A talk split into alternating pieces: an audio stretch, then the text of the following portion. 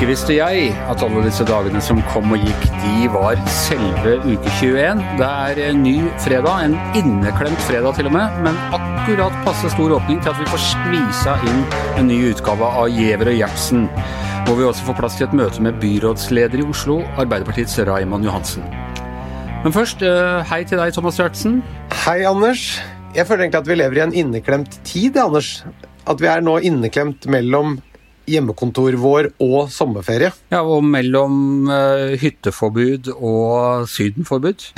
ja, altså helt sånn altså Hvis vi først skal ta det veldig overordnet, så er vi inneklemt mellom ja. pandemi og miljøkatastrofe. Er det Det er akkurat der vi sitter, mellom, mellom, barken og veden. Uh, Men da, og da er det grunn til å ta seg litt fri. Men det er jo hele poenget når det er inneklemt. Da er det viktig at vi tar tid til å, å puste ut mellom de harde hjemmekontorøktene og sommerferien som, som, er under oppseiling. Og da er hytteforbudet fjernet, for det er det man bruker inneklemte perioder til, er hytta. Ja, nemlig. Du kan vel kanskje ikke regnes som en av uh, kjernevelgerne til, uh, til Oslo Arbeiderparti? Jeg? Eh, du, du, eller du slår meg ikke nødvendigvis som det, men, men i, de, i, de, siste ukene og månedene så er vel kanskje byrådsleder Raymond Johansen den politikeren i Norge som har kommet nærmest å oppfylle ditt ønske om en sterk mann som har kunnet ta kontroll over hele denne smittesituasjonen? Altså, Du kan si hva du vil, Anders, men Raymond Johansen har redda Oslo. ja, så Du føler at han var den sterke mannen vi, nasjonen, eller i hvert fall hovedstaden, eh, trengte? Han sørget for at dette gikk bra. Ja, og med de ordene så tror jeg rett og slett at vi sier velkommen til deg, Raymond Johansen, byrådsleder i Oslo. Tusen takk for det.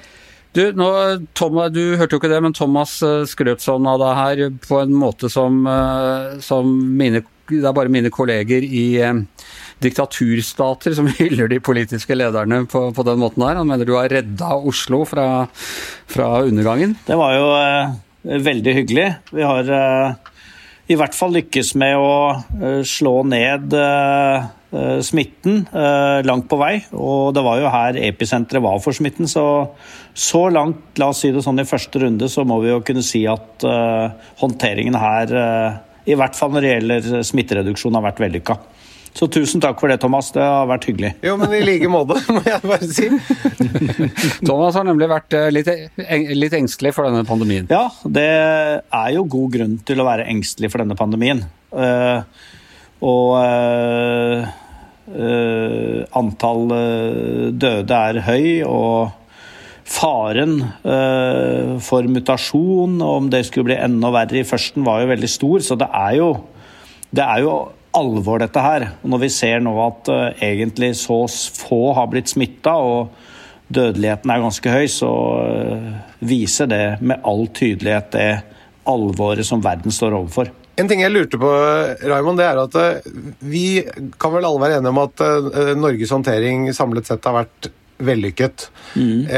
Men det jeg ikke forstår, er når man kommuniserer om viruset, så snakker man veldig mye om at det er bare farlig for de utsatte gruppene, da særlig eldre og folk med underliggende sykdom. Og at uh, dere unge dere må gjøre dette av hensyn til de andre ut ifra solidaritet. Jeg tenker jo at hvis vi får en overbelastning i helsevesenet, så rammer det alle. Da kommer du ikke inn hvis du er ung og er sjuk og har behov for uh, behandling, så er du rammet.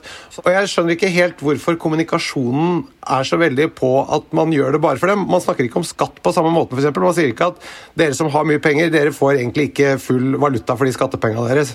Det, det, jeg synes det er en rar måte. Hadde ikke vært bedre å bare kommunisere mer tydelig at dette handler om oss alle? Og eh, vi må ta det felles ansvaret. Jeg syns det er et uh, utrolig godt poeng. Det dreier seg ikke bare om eh, generasjonssolidaritet, det dreier seg om oss alle. og Første fasen av behandlingen av dette viruset dreide seg nettopp det å sikre at det fortsatt var kapasitet i helsevesenet for å ivareta alle med eh, alle slags, alle slags sykdommer. Og når jeg fikk høre for ikke så veldig lenge siden at folk nå, eh, hadde nær sagt yngre enn oss, er på rehabilitering på Sunnaas for korona, så viser det seg hvor sjuk du blir, og hvor lenge det varer, og hvor mye det hemmer dine indre organer og bevegelsen og alt mulig sånn. Sjøl om du kanskje ikke da dør av det, så blir du veldig, veldig, veldig syk, og det varer lenge. I tillegg til det poenget til Thomas om å ta opp plass på helsevesenet. Og øh, faren er ikke over, ifølge dere. Dere har, kom nyhet denne uka om at dere øh, da kutter i andrebudsjettet med nesten to milliarder øh, kroner for å satse på, på koronatiltak. Jeg lurer på, altså, Hvilke koronatiltak er det? Hva, hva er det som skal koste så mye nå framover? Vi vet jo det at uh, hvis vi uh, må stenge igjen en gang til, håper ikke det skjer, så vil betalinga i, på, i, barnehager, på aktivitetsskoler og sånn ikke være der. Vi holder av penger fordi kollektivtrafikken går for halv maskin. Ruter er i ferd med å bruke opp egenkapitalen sin. Det er vi helt, helt avhengig av. Og ikke minst så vet vi jo ikke hva skatteinngangen blir. Vi har nå rekordledighet i Oslo. 64 000 mennesker er arbeidsledige eller delvis ledige. Det påvirker skatteinngangen. Og det andre, det tredje er jo det at regjeringa har tatt høyde for at det vil være veldig lav pris- og lønnsvekst, men vi veit jo ikke det helt. Vi kan ikke garantere at det blir et nulloppgjør. Vi kan ikke garantere at, at prisen er så lav. Så det vi har gjort nå, er å satte av penger i tilfelle eh, ikke alle de positive prognosene og forventningene fra Finansdepartementet slår inn. Eh, så da har vi en buffer som vi har satt av 1,9 milliarder, som eh, vi eh, vil re-revidere også seinere i løpet av året. Hvor tar dere da de pengene fra? Altså, Vi tar litt fra alt, og så utsetter vi en del av de valgløftene vi hadde. Bl.a. om å utvide denne gratis aktivitetsskole, denne skolemat, og vi tar litt fra Klimafondet. Og så øh, venter vi med å gjøre en god del ting vi hadde tenkt å gjøre. Det er jo veldig smart, da, for da kan du bare kjøre samme valgkamp en gang til. Da vet du at du vinner òg. ja, vi håper jo at, uh, vi kan, at dette ikke er en avlysning, men en utsettelse. Godt løfte kan aldri gis for mange ganger. ja. Og en god unnskyldning for hvorfor du ikke har gjort det, er jo også, hører, også, hører også med. Det, det, det dette at dere kjørte, eh, du og dere har kjørt såpass mye hardere enn eh, mange andre steder. Hva, hva syns du var det tøffeste å gjennomføre, eh, som bare Oslo gjorde? Dette har gått eh, slag i slag.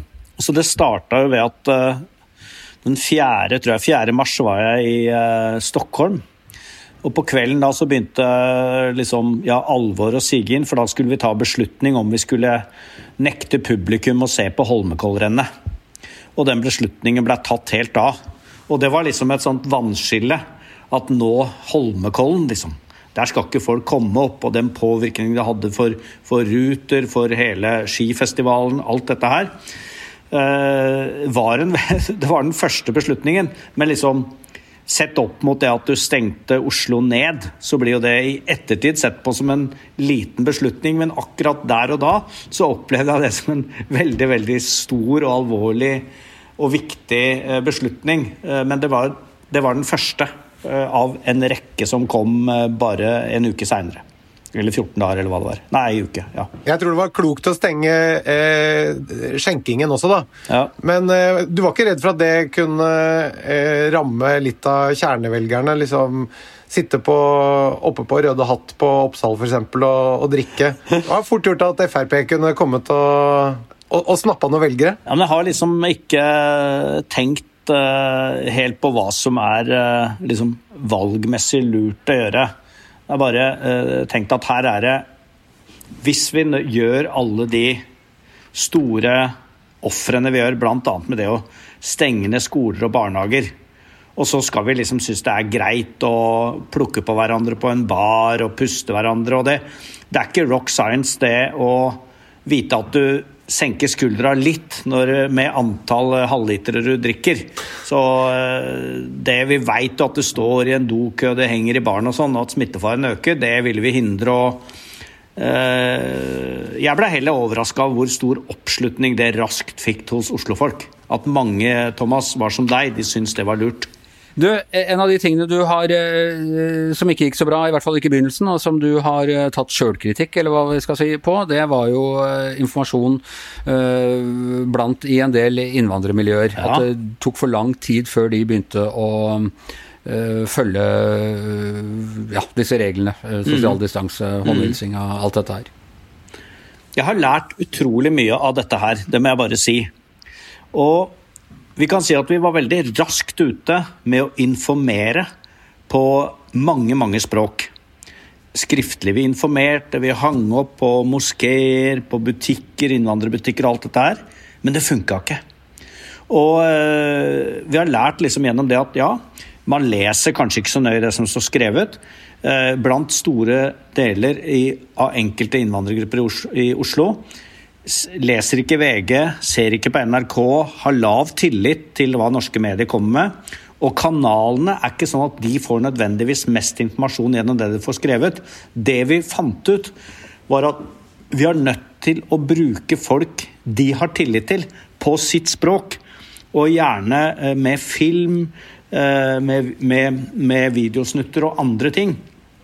Så vi plukka ut folk Uh, somaliere, eritreere, folk som uh, var uh, har eritreisk eller somalisk opprinnelse, kommuniserte tydelig om hvor farlig dette var.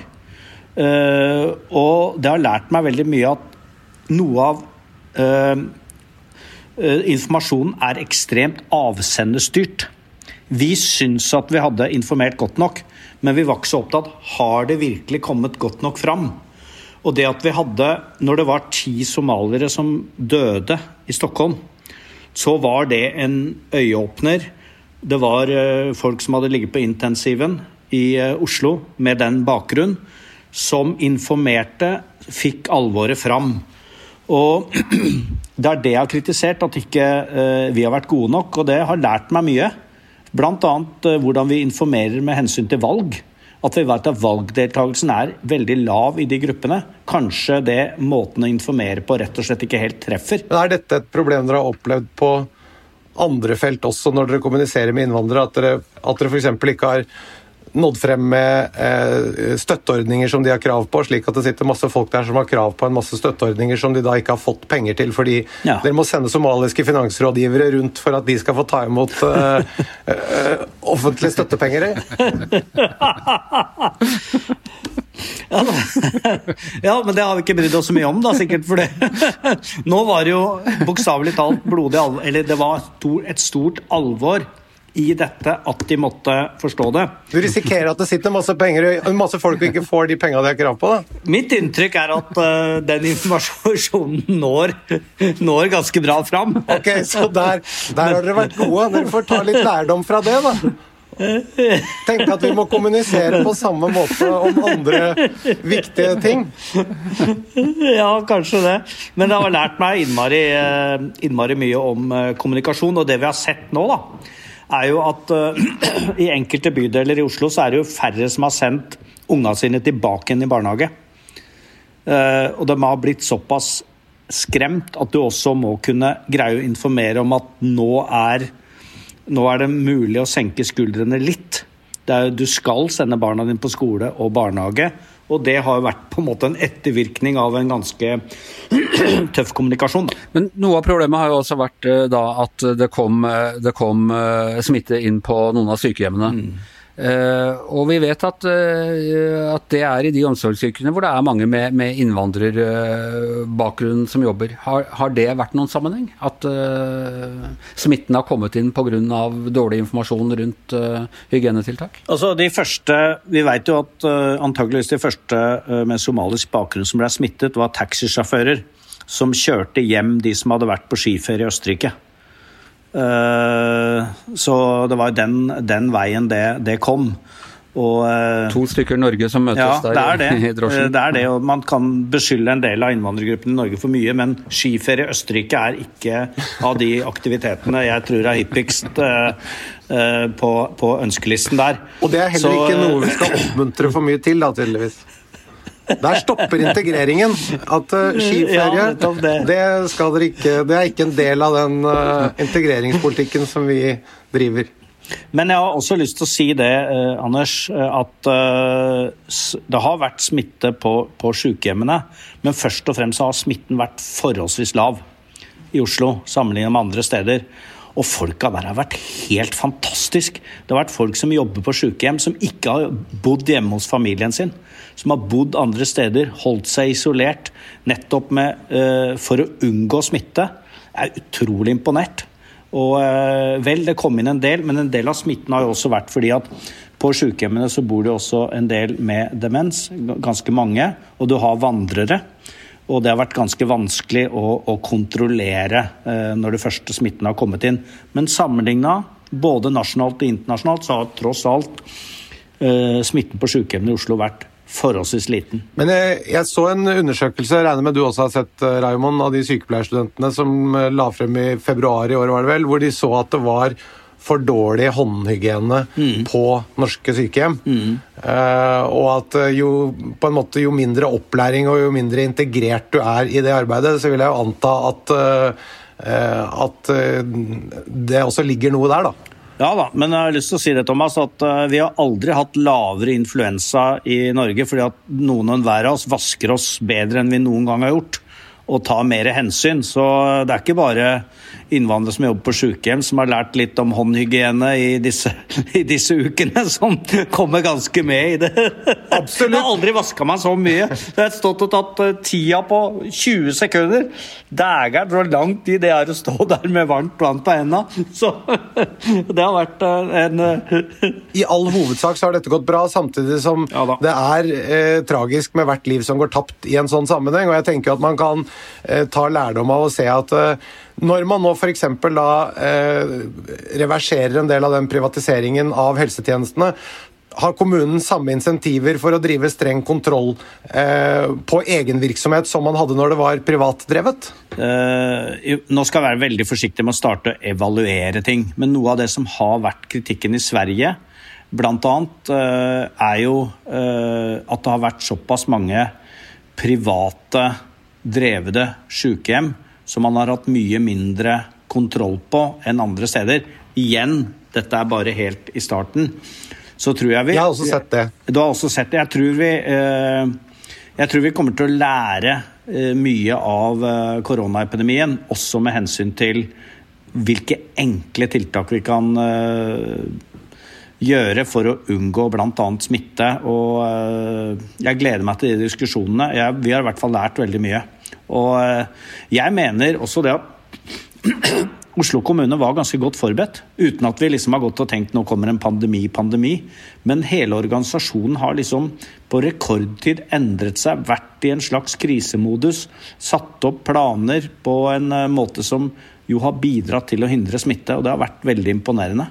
Jeg syns det er noe interessant nettopp som du sier, fordi at i Sverige så har man en del private helseforetak som har ikke vært gode med håndhygienen. Og så kan det se ut som at man også har noe av det samme problemet i det kommunale i Oslo. Mm. Og jeg vil jo tro at dette privat-offentlig vil bli brukt som argument da på begge sider, men med motsatt fortegn. Helt sikkert. Uh, og jeg tenker jo og jeg tenker at eh, Det går an å prøve å trekke noe essens ut av dette her som eh, egentlig går over den diskusjonen, og se at vi må ha rutiner for sikkerhet og kontroll, uavhengig av om det er kommunalt eller privat. og jeg var bare der jeg tenkte at Umiddelbart så er jo arm, armlengdes avstand er jo et godt prinsipp. og Hvis kommunen er driver, så tenker jeg at eh, det ligger en utfordring ekstra på deg. da, fordi at du skal da både representere kontrolløren og operatøren. Mm. Det kan sikkert være en utfordring. Nå er det jo sånn vi har f.eks. nå med uh, søppelhåndteringa. Så er det jo renovasjonsetaten som på en måte er den som uh, uh, etterspør tjenestene. Og så er det en operatør som kjører søppel, og man stiller jo knallharde krav for å se, påse at alt er i orden mellom å skille utfører og drift. Så eh, vi har jo god erfaring med det, men det er klart eh, hvis du tenker at uh, en kommunal virksomhet som kontrollerer, vil kon kontrollere en eget drevet virksomhet dårligere, så vil det være et problem. Men erfaringen min er ikke det, altså. Erfaringen er at det å skille utfører og drift, det går, det går, bra. Har du lært noe mer om klasse, den klassedelte byen gjennom denne pandemien? Ja, det har jeg gjort. og Det første som slo meg, var at vi lærte noe som het som av folk som jobba i samfunnskritiske funksjoner. Og da var det mange av oss som ikke gjorde det, for å si det sånn. Og det, ja. det var plutselig Jeg vil understreke at vi i pressen vi var veldig tidlig ute og fikk eh, definert ja, oss som samfunnskritiske. og jeg hadde telefoner fra arbeidsgiveren der som ville ha unga sine i barnehagen, for det var samfunnskritisk funksjon. Og det tror jeg det, det var dere også. Det skal dere ha. Vi klovner er ikke det. eh, og da var det jo en honnør til lærere, til helsefagarbeidere, til sykepleiere, til renovasjonsarbeidere, til de som vaska bilene til ambulansepersonell. Alt dette var helt nødvendig for å hindre smitte. Og så uh, har jeg jo lært uh, masse av uh, nå, med den arbeidsledighetskrisa vi har i Oslo, med 64 000 ledige, hvor det er mange nå, særlig innenfor hotell, restaurant, service, folk med liten formell kompetanse, som har mista jobben, som sitter bakerst i køen. Vi har deler i Stovner bydel hvor ledigheten er oppe i 70 eh, som er kjempedramatisk. Så eh, Derfor gjelder det nå å komme seg på beina skaffe folk arbeid så fort som mulig etterpå. Så noen av de trekkene vi har sett i den klassedelte byen, har blitt forsterka. Samtidig som jeg tror respekten for en del av de såkalte samfunnskritiske funksjonene har økt. Hender det, altså Vi hadde jo under begynnelsen av, øh, av pandemien så begynte, begynte, flere ordførere og sånn nordpå å innføre søringkarantene. eh, og de kjørte jeg var jo sterke menn i, og det var riktig populært der oppe. Og nå skal vi ikke ha sånne besmittede Oslo-folk opp her. Får du av, Sånn kunne man selvfølgelig ikke gjort i Oslo. Men hender det at du misunner ordførere i sånne steder og kunne si sånn Nei, nå vil ikke vi ha noen vestlendinger inn i denne byen, eller å kjøre en sånn lokalsjåvinistisk tone. At jeg, vi vet jo at det ligger mye politisk gull i den slags. Uh, må jeg svare? jeg vil gjerne høre dine tanker rundt dette. Jeg tolker det som et fint svar, Raymond. ja, ja, ja. Jeg må bare spørre om én ting, Raymond. Ja. I Oslo så har det jo vært nå sånn at man eh, skal ha bilfri by. Og så ser man jo samtidig at eh, kollektivtransport er eh, smittebombe. Ja. Hvordan er planen? Hvordan skal vi komme oss fra A til B her i byen? Er det noen plan på det? Ja, nå ser, jeg, nå ser jeg på dere to at dere sitter på hjemmekontor begge to. Det er veldig bra. Men det skal jeg ikke gjøre livet ut. Uh, nei da. Uh, det er jo nå for å prøve å begrense mobiliteten til vi har bedre uh, kontroll. Og det å ta beina fatt og, og sykle eh, og eh, spre liksom aktiviteten litt utover dagen, sånn at det er forsvarlig å kjøre kollektivtrafikk. Uh, nei, At det er forsvarlig for dere å ta kollektivtrafikken, vil være viktig i tida framover også. Du nevnte sykkel. Jeg bare tenkte at hvis La oss si du bor uh, i Groruddalen eller på Holmenkollen eller hvor du bor, da. Og så er du i aldersgruppen 50 til 80 år, og så skal du sykle til og fra byen. Har dere gjort noen beregninger på hvordan det vil belaste helsevesenet når de skal på sykkel i vinterhalvåret, kontra et virus? Nei, men skjønner ja, ja. Nei, det er en av de uh, Det blir trøkk på intensiven da, for å si det sånn? Det er en av de prioriterte oppgavene vi ikke har fått tatt tak i ennå. Men det kommer tall på det knytta til mobilitet. Det er bra. uh, du, helt til slutt, uh, Raymond, tusen takk for at du uh, vil stille opp på dette. her. Vi, Thomas og jeg prøver også å gi vår lille skjerv, bl.a. ved å putte penger tilbake inn i økonomien. Penger vi har spart ved å sitte her på hjemmekontoret. Og, og, så vi pleier å spørre alle gjestene våre, eller vi gjorde det i hvert fall forrige uke, om, om hva du har brukt penger på. Har du kjøpt deg noe fint den siste tiden som har putta penger litt inn i kretsløpet? Ja, jeg har både solgt et hus og kjøpt meg en leilighet, Oi. så det må jo være greit. Altså Forrige, forrige uke, Gjesten forrige uke hadde kjøpt bil, men du klarer jo søren å toppe Er ikke det mer sånn klimanøytralt? Det er på en måte du kjøper og så selger du, men du har ikke bare putta noe penger ut, da? Nei, det har egentlig eh, holdt med det. Det har holdt meg opptatt, så Måtte du betale mer enn du fikk for, eh, for det nye? Nei, det var Jeg fikk mer enn jeg betalte. Oi, oi, Så ja, ja. eh, Da har du sånn egentlig sånn tatt det, penger du, når- ut av økonomien du har putta i Ja, banken? tatt penger. Ja, det, det har jeg, men jeg skal bruke de penga opp igjen. Jeg har uh, hytte jeg skal bruke litt mer på. Nei, du verden, her får penga bein å gå på. Det er helt sikkert. Ja, Nå er det veldig fine gardiner på Kid Interiør, som kan kjøpe nye da, vet du. Er Marimekko vi kjører på her. Er det det, ja? Den hadde du ikke venta! Nei, men det liker jeg godt, faktisk. Det er et gammelt, eh, gammelt merke som har kommet seg opp igjen. Ja, Har dere kjøpt noe nytt, da? Du, jeg kjøpte meg en ny iPad i går. Du har det, ja? Og litt, det kjøpte jeg litt før jeg egentlig trengte. Jeg, jeg tenkte at jeg trenger ny iPad, men om en stund. Men så tenkte jeg nei, nå skal jeg jaggu gå og få litt fart på Elkjøp. Så da bidra til en eh, ørliten arbeidsplass der. ja. Har du kjøpt noe nytt, Anders? Jeg har kjøpt på Elkjøp, eh, faktisk jeg også, ny trådløs støvsuger. Oi. Fordi nå i denne hjemmetida så har jeg begynt å ta rengjøringa litt grundigere, og da fant far ut at da måtte vi oppgradere maskinparken litt. Sånn er det, vet du, Raymond, når, eh, når eh, man ikke kan ha personal til rengjøring. Da, da blir det flottere utstyr. Veldig bra. Da tror jeg det er på tide at vi eh, sier eh, takk for nå. Eh, Giæver og Gjertsen er eh, over for denne gang. Tusen takk til Raymond Johansen som stilte opp. Takk til Thomas Gjertsen. Jeg heter eh, Anders Giæver, og vår podkastunivers sterke mann heter Magne Antonsen og er produsent. Vi høres igjen til jul.